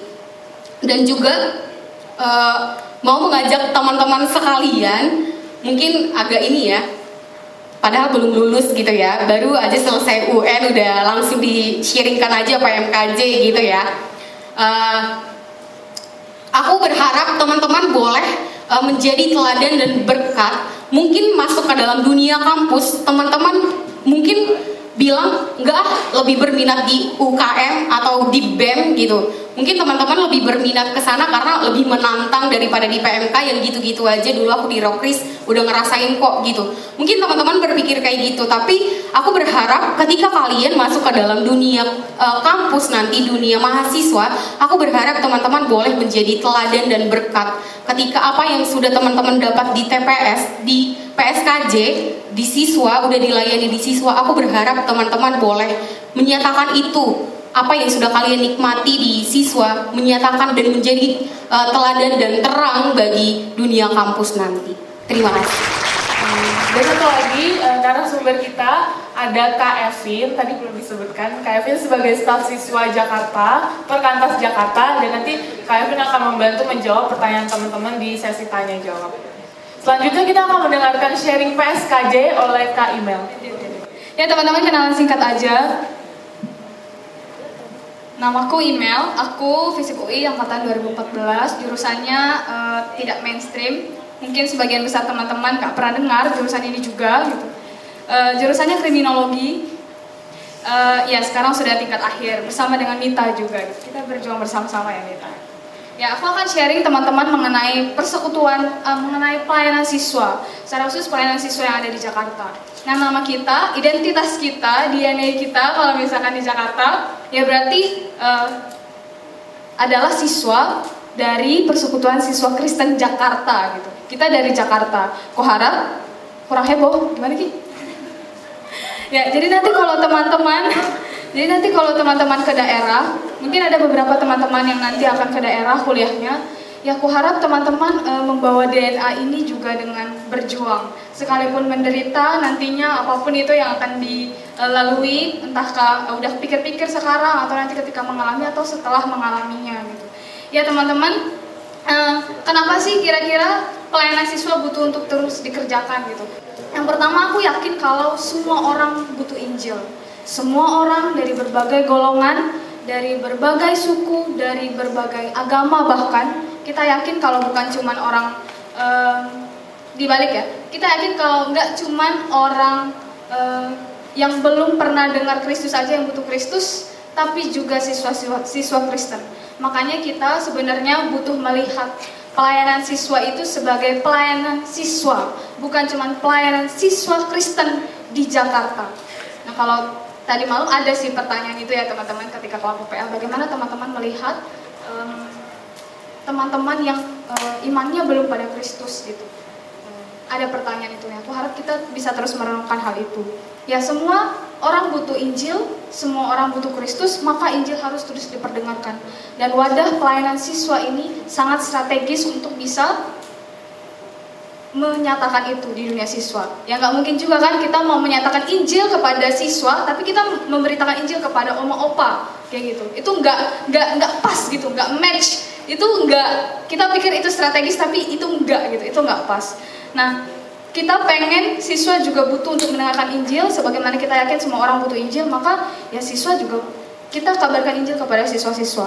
Yang kedua, sepanjang yang bisa aku renungkan juga, kita rindu untuk menghasilkan murid, kita rindu untuk menghasilkan siswa-siswa yang menjadikan Tuhan sebagai juru selamatnya gitu. Tidak lagi dosa-dosanya, dosa-dosa favoritnya, tidak lagi apa pun lah yang tampaknya lebih menarik dibandingkan Kristus. Kayak gitu. Yang ketiga, ini aku eh, kalau boleh cerita di KPU 2014 di tahun aku atau 2015 atau justru di dua-duanya kayak gitu. Ada em, kayak em, apa ya namanya? Bilangnya kayak gini. Kita rindu hasilkan siswa-siswa yang tinggi iman, tinggi ilmu, dan tinggi pengabdian. Eh, waktu dengar itu, aku merinding kayak gitu. Dan selama beberapa di dua hari ini tuh kita sering kali mendengar kalau em, nggak kurang banyak orang-orang pintar di Indonesia, orang-orang yang pintar ya, orang-orang yang pintar ini jadi beda nanti orang pintar ya, dikirain main dukun-dukun nanti. Ya. Nggak kurang banyak orang yang pintar di Indonesia, tapi kita butuh banyak orang yang tinggi iman, tinggi ilmu, dan tinggi pengabdian. Dan kita rindu itu ada dari siswa. Makanya pelayanan siswa butuh untuk di- terus dikerjakan. Kayak gitu. Nah kalau boleh cerita, kenapa aku akhirnya eh, ter- terjerembab ke dalam pelayanan ini, terjerembab, jatuh dan tidak bisa keluar-keluar lagi dari pelayanan ini. Em, seperti teman-teman, aku juga mengikuti camp pemutusan siswa tahun 2014. Ya, era kita jauh ya. Em, aku waktu itu bilang kayak gini, dengan dengan apa ya namanya? Ya aku dalam eh, dalam hatiku kayaknya ada sesuatu yang menggebu-gebu yang bilang kalau kalau gue diterima di kampus X yang sekarang menjadi kampus U, gue akan balik ke sekolah gue. Tapi teman-teman, setelah aku diterima, itu eh, SNMPTN itu diumumin di hari keempat KPU di angkatanku. Bayangkan banyak orang nangis-nangis kayak gitu, kayak gitu. Eh, terus kita masih harus siap untuk diutus kayak, gitu. kayak, kayak gimana ya? Tapi tapi itu experience lah gitu. Eh, ketika aku dapat gitu SNMPTN itu, apa yang jadi responku teman-teman? Aku bilang gini sama PKK aku waktu siswa. Kak, aku pengen SBMPTN lagi. Padahal tadi aku bilang ke teman-teman, kalau aku diterima di universitas ini, aku akan balik lagi ke pelayanan siswa. Ya, aku cukup lama lah lari-lari dari situ. Dan ternyata aku makin lihat kalau ya studi panggilan hidup itu itu sangat ngaruh kepada pelayanan yang kita kerjakan juga kayak gitu. Aku cukup lama lari-lari gitu, bahkan waktu welcoming maba gitu. Nanti teman-teman yang masuk ke kampusku juga gitu, kita sama-sama satu alma mater akan ada welcoming maba. Waktu itu aku e, ketemu ketepatan dengan CPP Paku. CPP Paku yang kami tahu setelah kami sama-sama di visit. Namanya Kame waktu itu, terus dia ngomong gitu.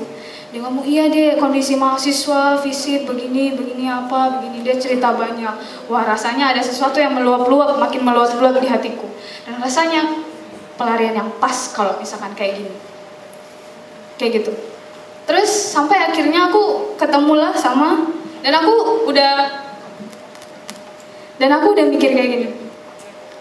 Gue nanti eh, akan jawab enggak ketika gue di-sharingkan pelayanan siswa. Jadi udah ada rencana jahat nih di dalam diri gue. Waktu itu gitu. Padahal belum di-sharing pede banget ya.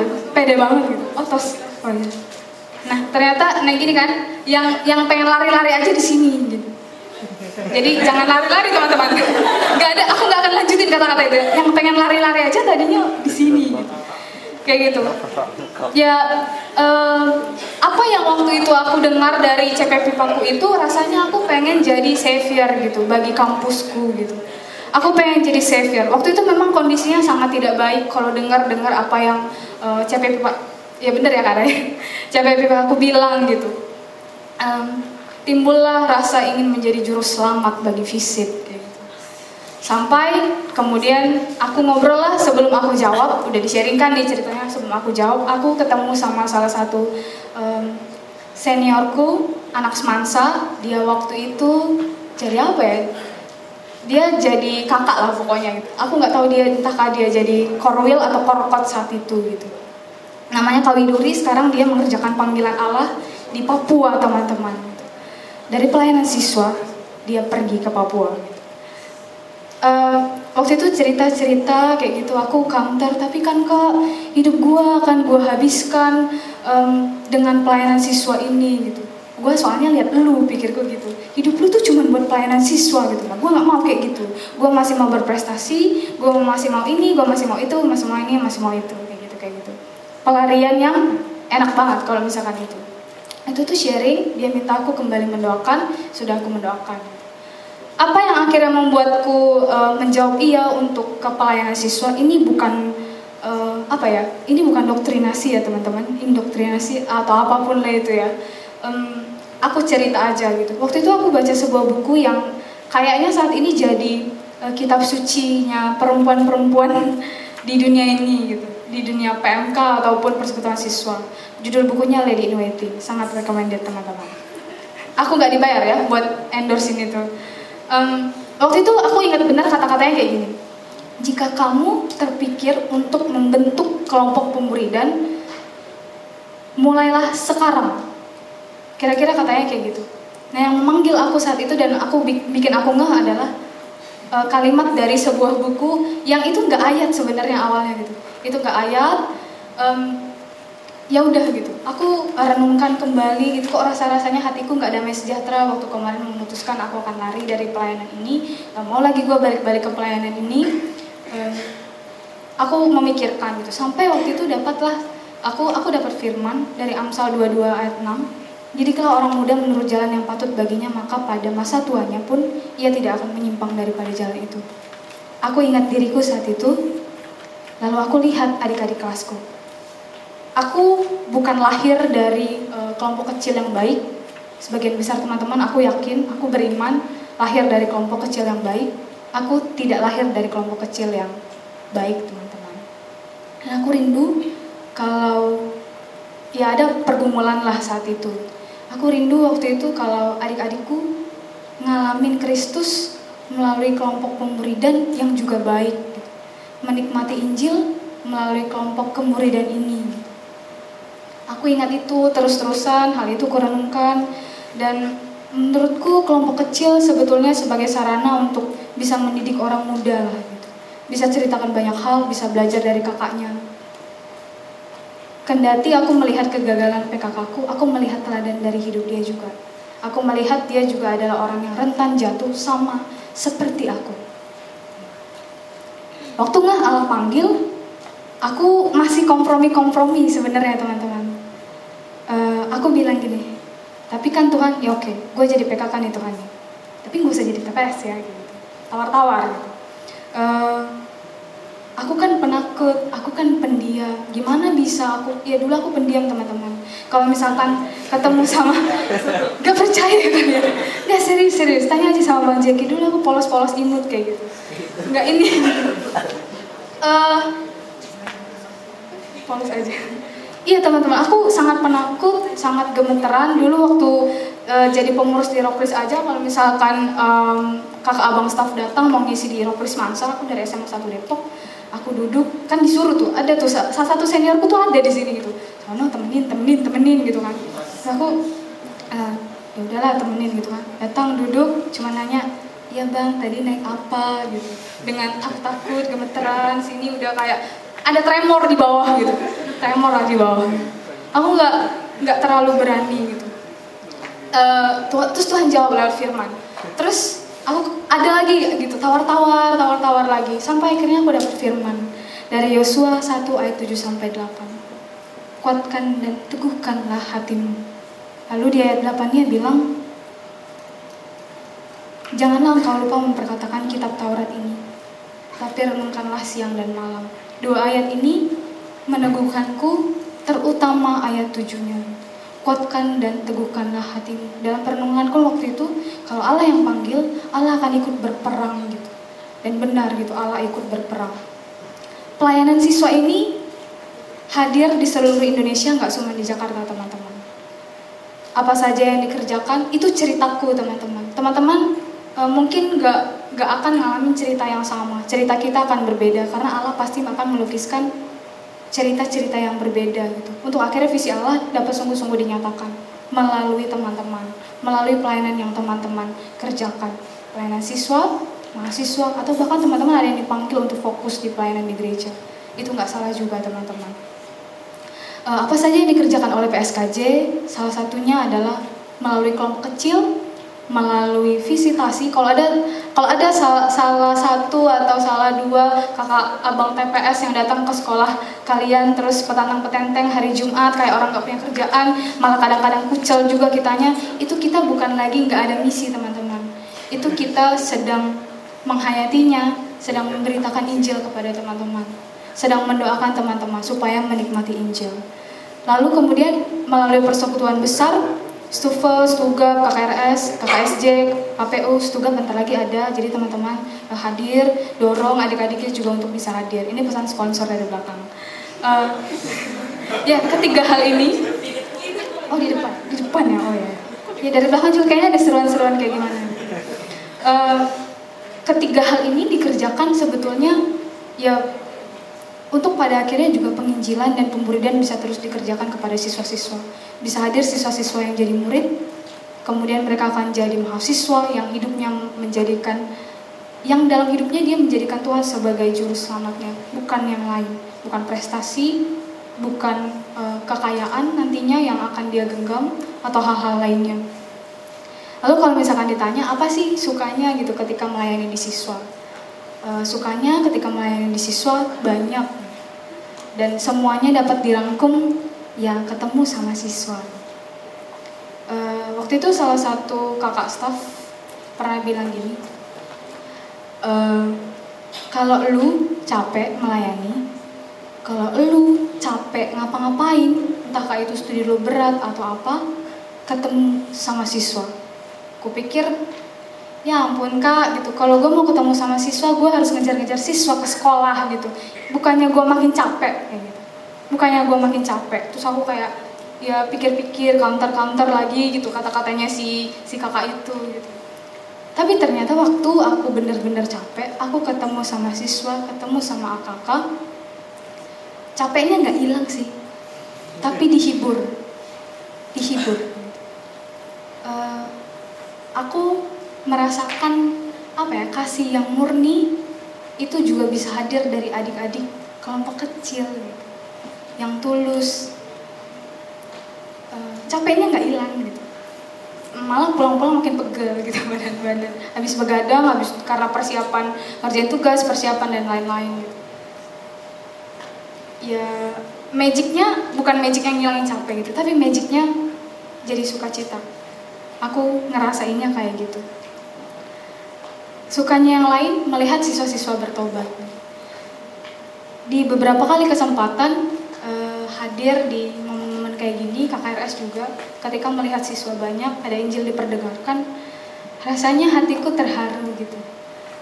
Eh, ya ada siswa yang hadir itu bukan tanpa tujuan pasti Allah. Eh, ya terharu gitu. ya aku terharu lah pokoknya gitu melihat ada siswa-siswa yang hadir dia mendengar Roh Kudus berbicara dia bertobat itu kesukaannya. Kalau dukanya banyak deritanya itu dukanya. Harus lawan-lawan orang tua dan tanda kutip gitu. dilarang-larang. Gak usah aku gampang sakit juga kayak gitu. Jadi dikit-dikit sakit dikit-dikit sakit. Itu yang membuat orang tuaku cukup protektif gitu. Padahal orang tuaku di Medan gitu. Tapi di sini keluargaku yang di sini cukup protektif denganku harus berjuang menyatakan kepada eh, keluargaku yang di sini maupun di sana bilang ma pa tante aku yakin kalau Tuhan memanggilku untuk terus mengerjakan pelayanan ini sampai aku lulus itu gak mudah. Itu ada kerikil-kerikil lah di dalamnya. Bahkan sampai misalnya dimarah-marahin PKK ku hampir PKTB ku hampir ditelepon dan lain-lain itu kayak dilema. Eh, tapi kayak ini tadi malam. Gitu Hmm, PA tadi malam bilang penderitaan badani yang kita alami itu nggak seberapa. Ada sukacita yang besar yang akan menyambut kita ketika kelak bertemu muka dengan muka dengan Kristus gitu. Eh, banyaklah duka yang lain gitu. Sukanya ya ketemu kalian ketemu sama siswa-siswa. Walaupun nggak jarang dicuekin juga. Tapi ya itu sukanya ketemu sama kalian. Ya teman-teman ceritaku kebanyakan sebetulnya adalah cerita pribadi tapi ku harap teman-teman menangkap hmm, beberapa poin penting. Kalau nggak bisa nangkep banyak poin. Gitu beberapa poin penting yang bisa dipelajari dari kegagalanku eh, dan juga dari ceritaku. Tuhan masih menulis menulis cerita hidup teman-teman. Kiranya teman-teman bisa terus bertanya kepada Tuhan. Ke mana akan melayani?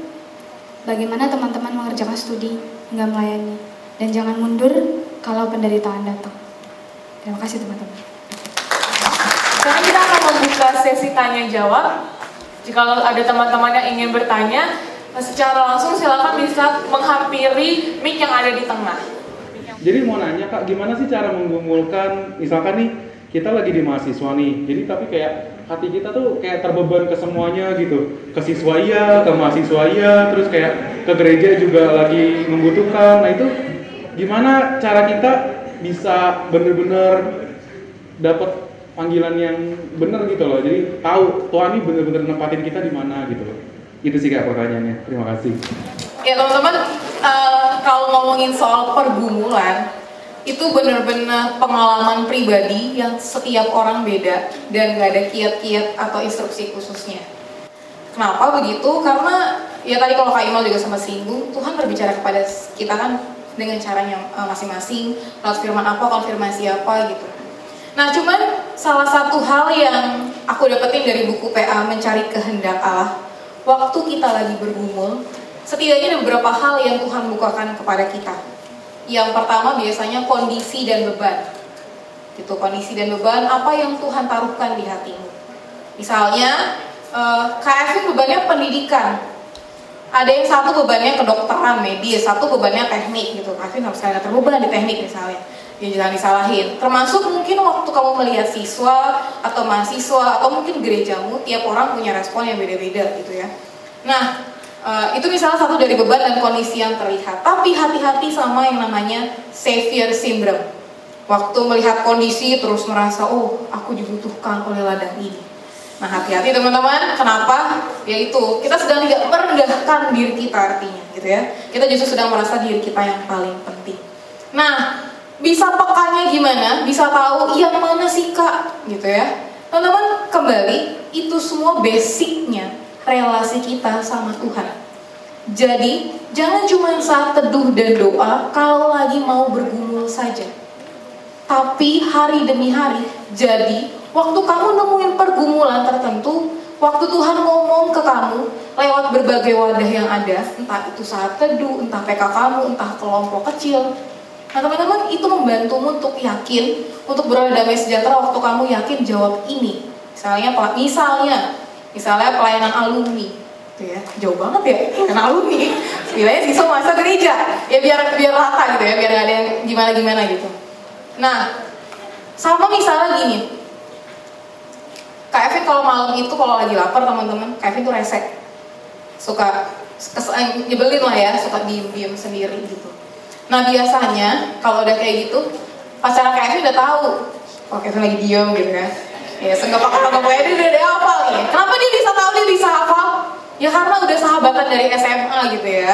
Terus pacaran udah dia dia hafal gitu dia tahu nah jadi waktu dia ngelihat kayak udah diem aja di perjalanan pulang gitu.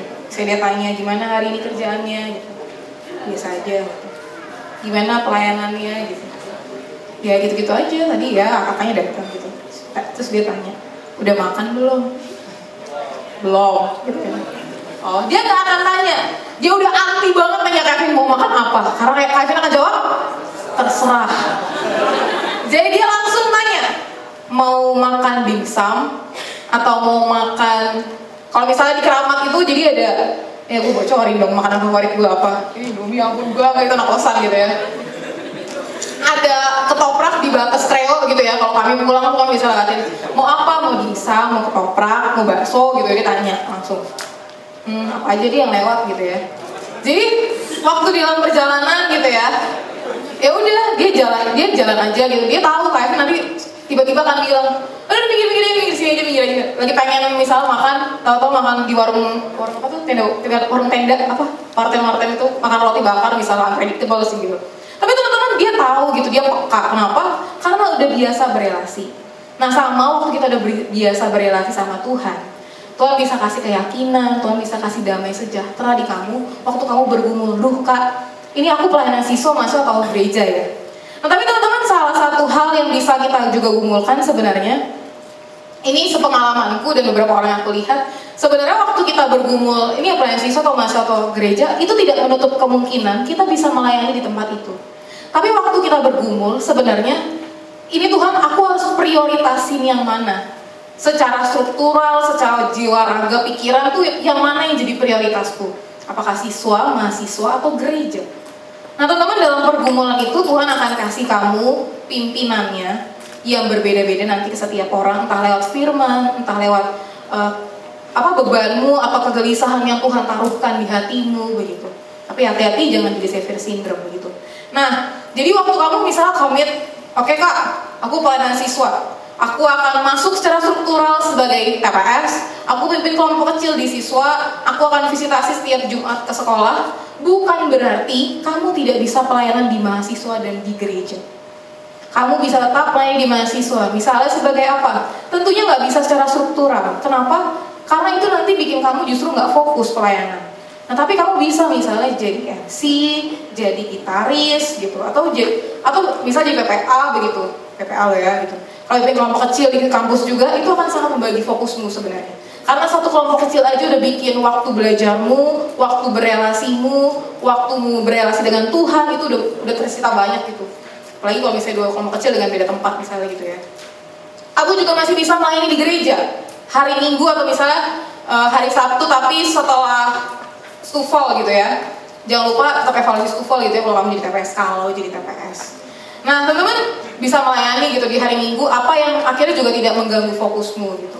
Nah beberapa kakak di sini juga masih mengerjakan ketiganya, tapi dengan pembagian waktu ada yang jadi prioritas. Nah kakak-kakak TPS di sini prioritasnya pelayanan siswa gitu. Jadi kalau bentrok event yang diprioritasin pelayanan siswa gitu. Karena dari awal bergumul komit mau fokus di pelayanan siswa. Tapi kalau di sharing pelayanan di mahasiswa entah di PMKJ, jadi MC atau di kampus, di PJ kampus gitu.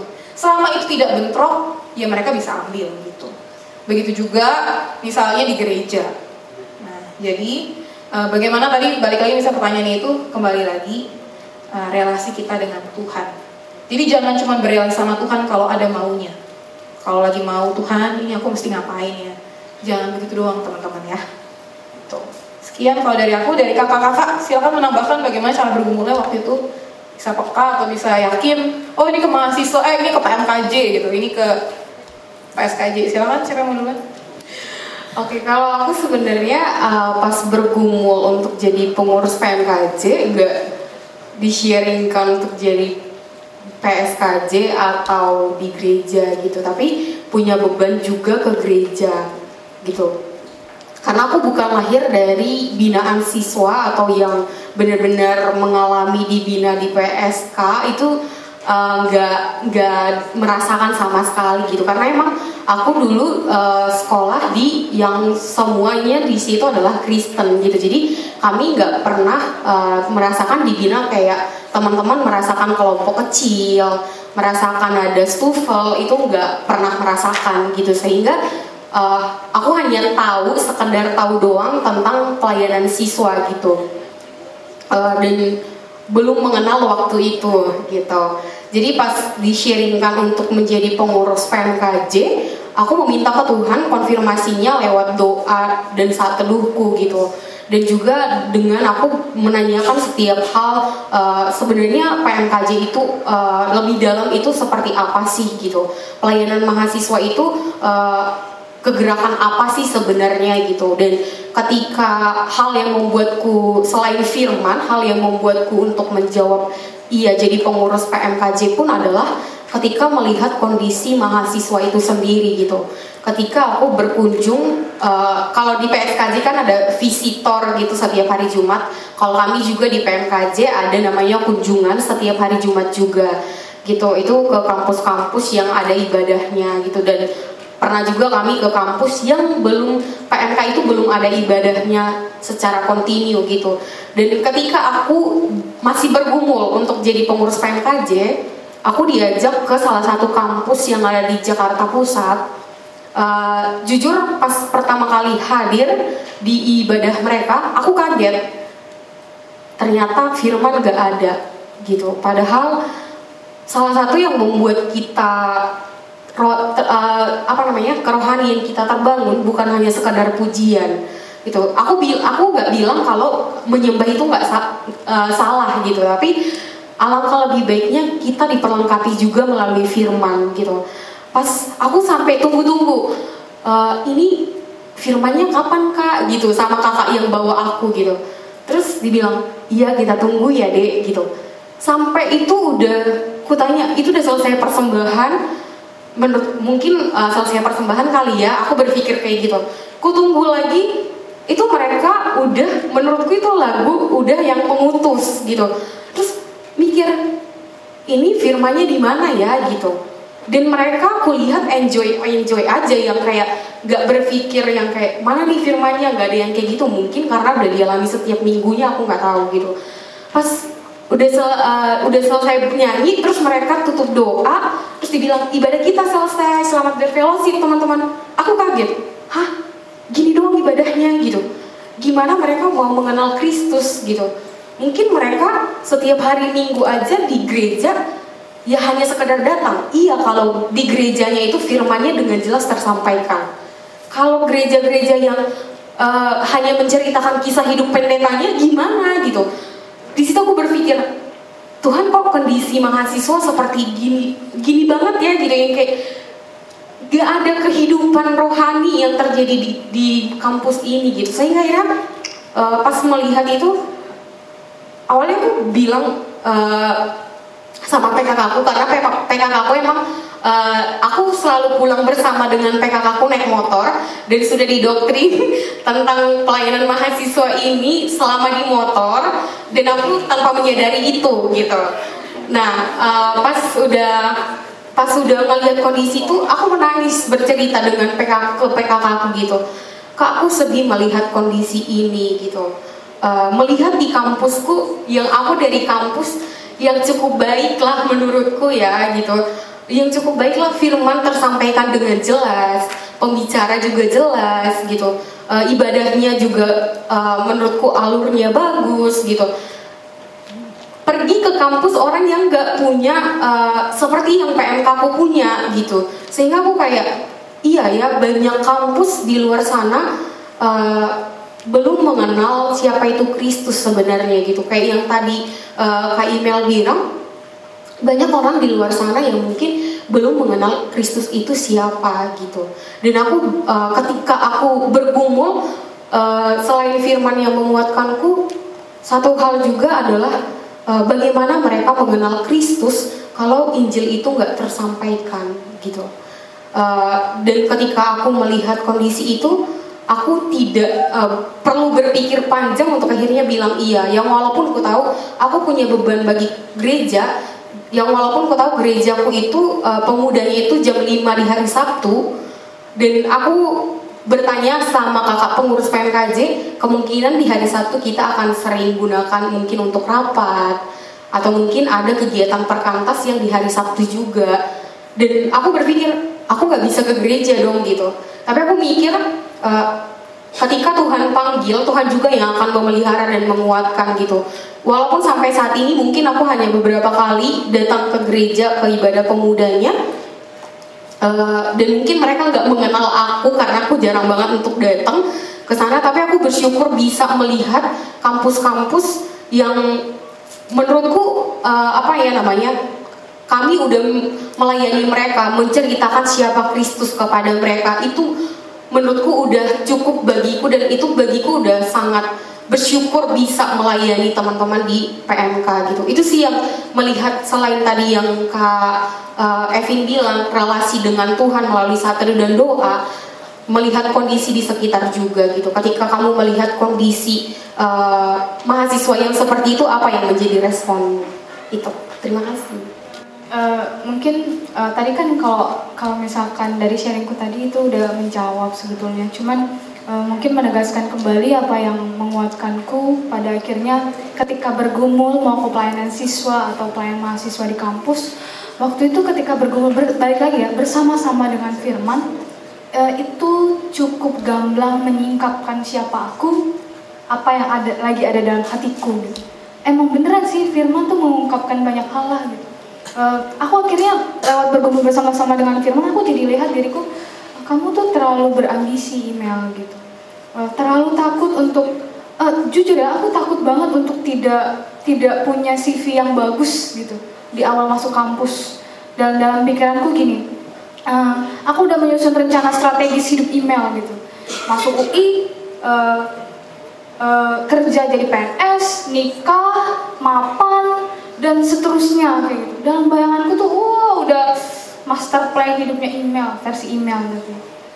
Eh, ketika dengan firman lah sebenarnya nggak nggak sedikit orang yang menegur gitu lewat sentilan-sentilan atau apa pun lah lewat pujian atau apa gitu.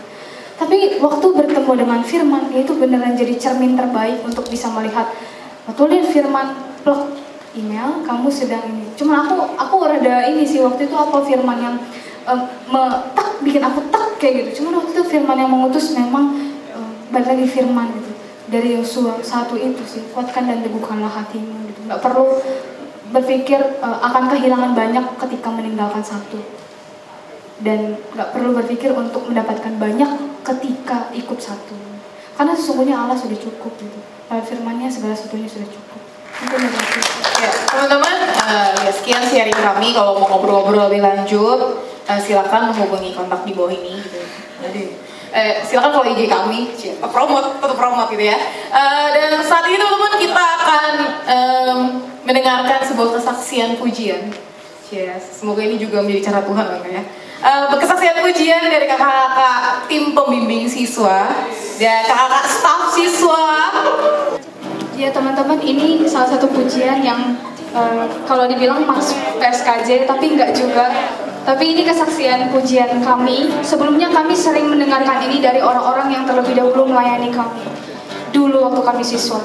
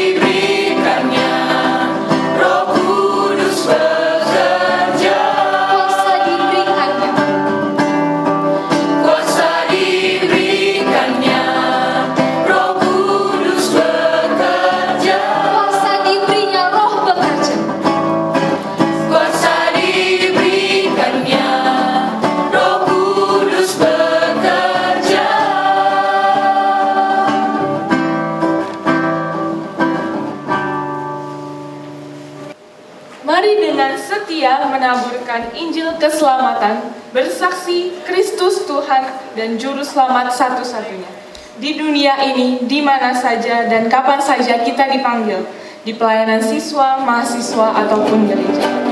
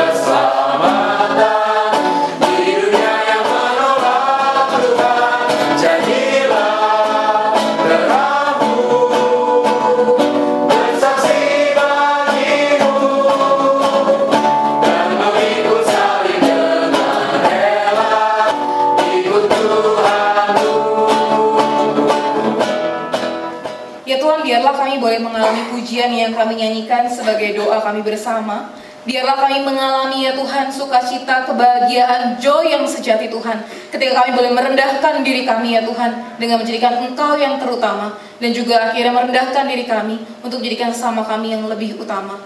Biarlah ya Tuhan sekalipun menderita, namun kami boleh mengalami kebahagiaan, sukacita yang berasal daripada Tuhan. Ketika kami boleh bekerja bersama Tuhan, berjalan bersama Tuhan, menikmati sukacita yang berasal daripada Tuhan. Inilah doa kami ya Tuhan. Di dalam nama Tuhan Yesus Kristus kami menyerahkan segenap permohonan dan doa kami ini. Amin. Kita hari ini mau mengucapkan terima kasih buat Kak F, Kevin, terus juga tadi ada email dan ada juga Mita ya. Eh, terima kasih untuk pelayanan mereka. Mari kita seperti biasa tundukkan kepala enggak deh, bersihkan jempol. bersihkan jempol ya. Oke.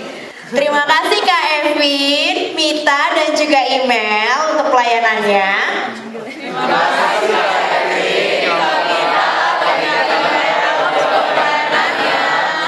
Tuhan berkati pelayanannya terus dan terus. Tuhan berkati pelayanannya terus dan terus. Oke. Ikut